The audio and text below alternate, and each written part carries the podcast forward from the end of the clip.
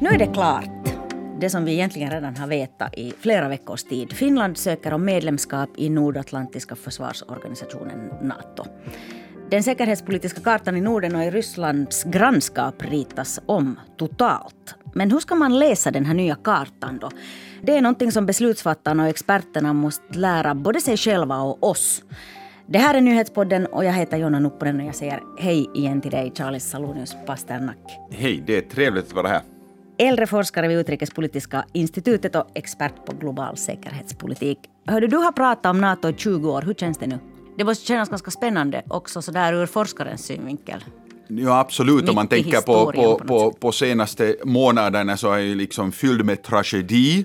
Uh, men men uh, sen från, från forskarvinkeln faktiskt, både kriget i Ukraina, um, se på dens förändringar, inte bara förstås Ukraina, Ryssland, men i Europa, hur geopolitiskt saker förändras eller inte, förhållandet till Kina, alla sådana här saker. Och sen finska debatten och hur otroligt snabbt den har gått. Men som man ser i, i parlamentariska debatten så det är liksom måste säga, hjärtvärmande hur enig man är att alla fokuserar på att maximera finsk eller optimera som vi sa, finsk säkerhet. Man har faktiskt velat få alla med. Man har sett opinionsvändningarna i folket.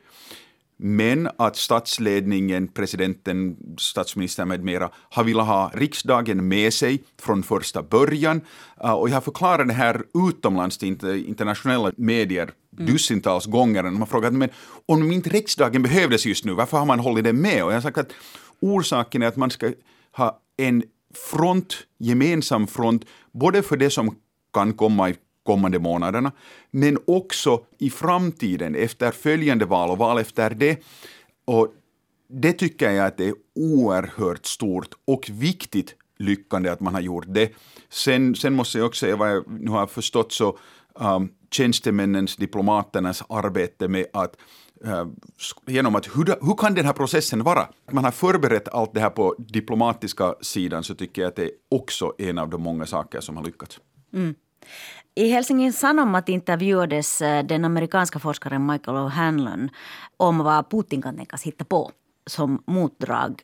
Och han säger att en rysk attack mot Finland är inte sannolik men en attack är möjlig och det borde Finland förbereda sig på. Vad är din bedömning? Hur borde Finland förhålla sig till risken, hur minimal den än är för en rysk attack under en övergångsperiod?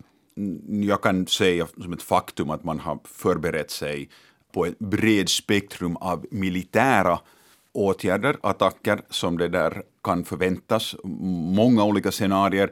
Äh, inte bara liksom tänkt dem på papper, men öva dem.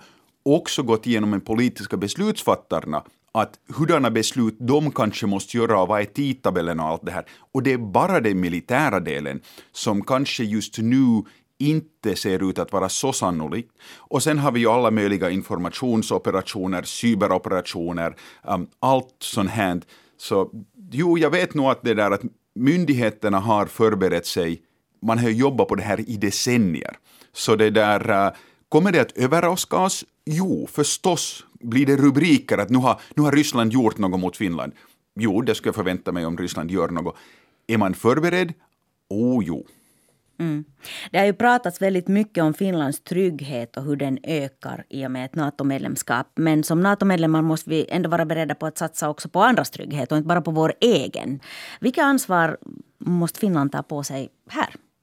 Det här är extremt sant att vi måste ha en förändring i vår strategisk kultur från om att vi antar att vi kommer att bara försvara oss själva, ingen kommer att hjälpa oss och, och allt det här.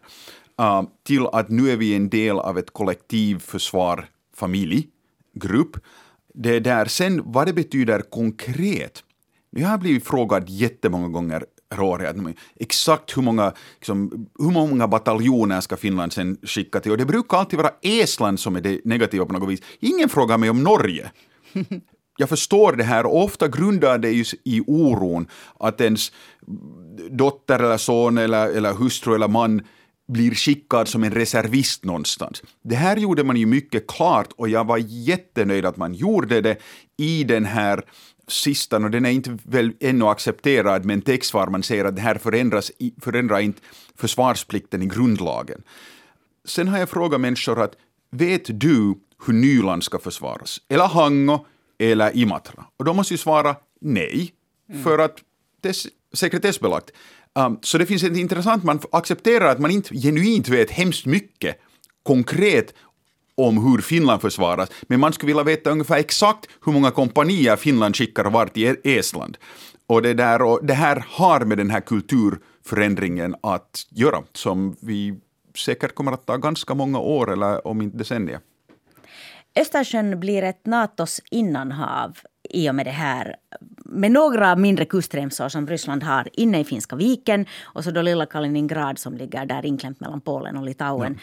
Vad är din bedömning? Hur militariserat kommer Östersjön att bli som en följd av det här?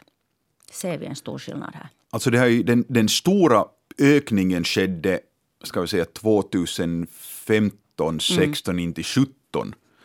Och efter det hade liksom stabiliserat sig men på en mycket högre nivå än typ tio år sedan, 2012 eller något sånt här. Um, jag skulle säga att finns och svenskt NATO-medlemskap inte så mycket påverkar det. Det är kriget i Ukraina, ryska flottans och andras helt förmåga att ens fungera. Och här är det ju en sak som är viktigt som, som, som jag måste stryka här, är att vi måste ju ändå se till och förstå att Ryssland har en laglig, förstås, och genuint intresse att den kan operera på sjöss till Kaliningrad ut därifrån. Um, tanken att vi på något vis skulle, eh, Finland, Sverige nu skulle börja agera på ett sätt som skulle um, göra det svårare för ryska flottan till exempel att, att fara mellan Petersburg och, och Kaliningrad, det har jag svårt att se. Um, vi kommer däremot absolut att dela mer av den informationen vi samlar från de här militära ska vi säga, aktiviteten med våra grannländer för att de är nu allierade. Förstås kommer vi att få mera också. Mm. Um, tyvärr tror jag att Ryssland kommer ju att reagera på finns och svenskt NATO-medlemskap genom att förflytta trupper, i alla fall offentligt säga att nu kommer vi att ha, ha liksom mera soldater i alla kort, eller vart de nu vill säga. Det är att hur mycket de kan göra av det här och hur mycket av det de har kanske förbestämt redan. Det är mycket möjligt att Ryssland har redan en lång tid sedan bestämt att de vill flytta kärnvapen till Kaliningrad. För att de har moderniserat och ombyggt och nu kan de använda Finland som ett svepskäl, att vi gör det på grund av Finland, när de redan har beslutat Så tyvärr tror jag att vi kommer att se mycket av det här. Samtidigt tror jag att Finland och Sverige kommer att vara två NATO-medlemmar som eh, kommer att inte vilja dämpa ner det här, men absolut inte genom sitt eget agerande göra den här militära aktiviteten till något högre än den absolut måste vara. Mm. Fast ryska kärnvapen i Kaliningrad låter ju inte så himla roligt. Nej, å andra sidan, när vi talar om kärnvapen så är det ju lite si och så är det stor skillnad om de är liksom 100 kilometer eller 300 kilometer från oss. Mm. Um, de finns närmare redan. Jo, det är möjligt, men ännu har vi nu inte sett en signal från ryska statsledningen att de är liksom självmordsinriktade gällande här. Fast det har ju varit spekulation gällande Ukraina också, att finns det en situation var Ryssland skulle kunna använda kärnvapen där. Men det finns säkert en orsak varför den här risken för användning av kärnvapen har ju varit i vissa fall en ganska hög under kalla kriget, men den här liksom psykologiska gränsen att nu använder vi kärnvapen, den har ju bara höjts och höjts desto längre det har gått sen sista användning. Så det där, är det trevligt? Nej. Kommer Ryssland att öka sin kärnvapenretorik? Mycket möjligt. Kommer det genuint att ändra och göra oss eller, eller de i Polen eller i södra Sverige mindre säker? Nej. Mm. Sen det ryska anfallskriget mot Ukraina började så har det varit klart att Finlands relation till Ryssland har förändrats för alltid. Eh, men i högsta grad bidrar ju också det här finländska NATO-medlemskapet nu till den här förändringen i relationen. Har vi en fiende i grannlandet nu? Som, som sagt här och som statsminister Marin sa också, man har liksom förlorat all tillit till landet för i alla fall en, en generation, många decennier. Så vi skulle ha haft framför oss ett projekt gällande byggande av ett nytt förhållande med Ryssland oavsett NATO-medlemskap.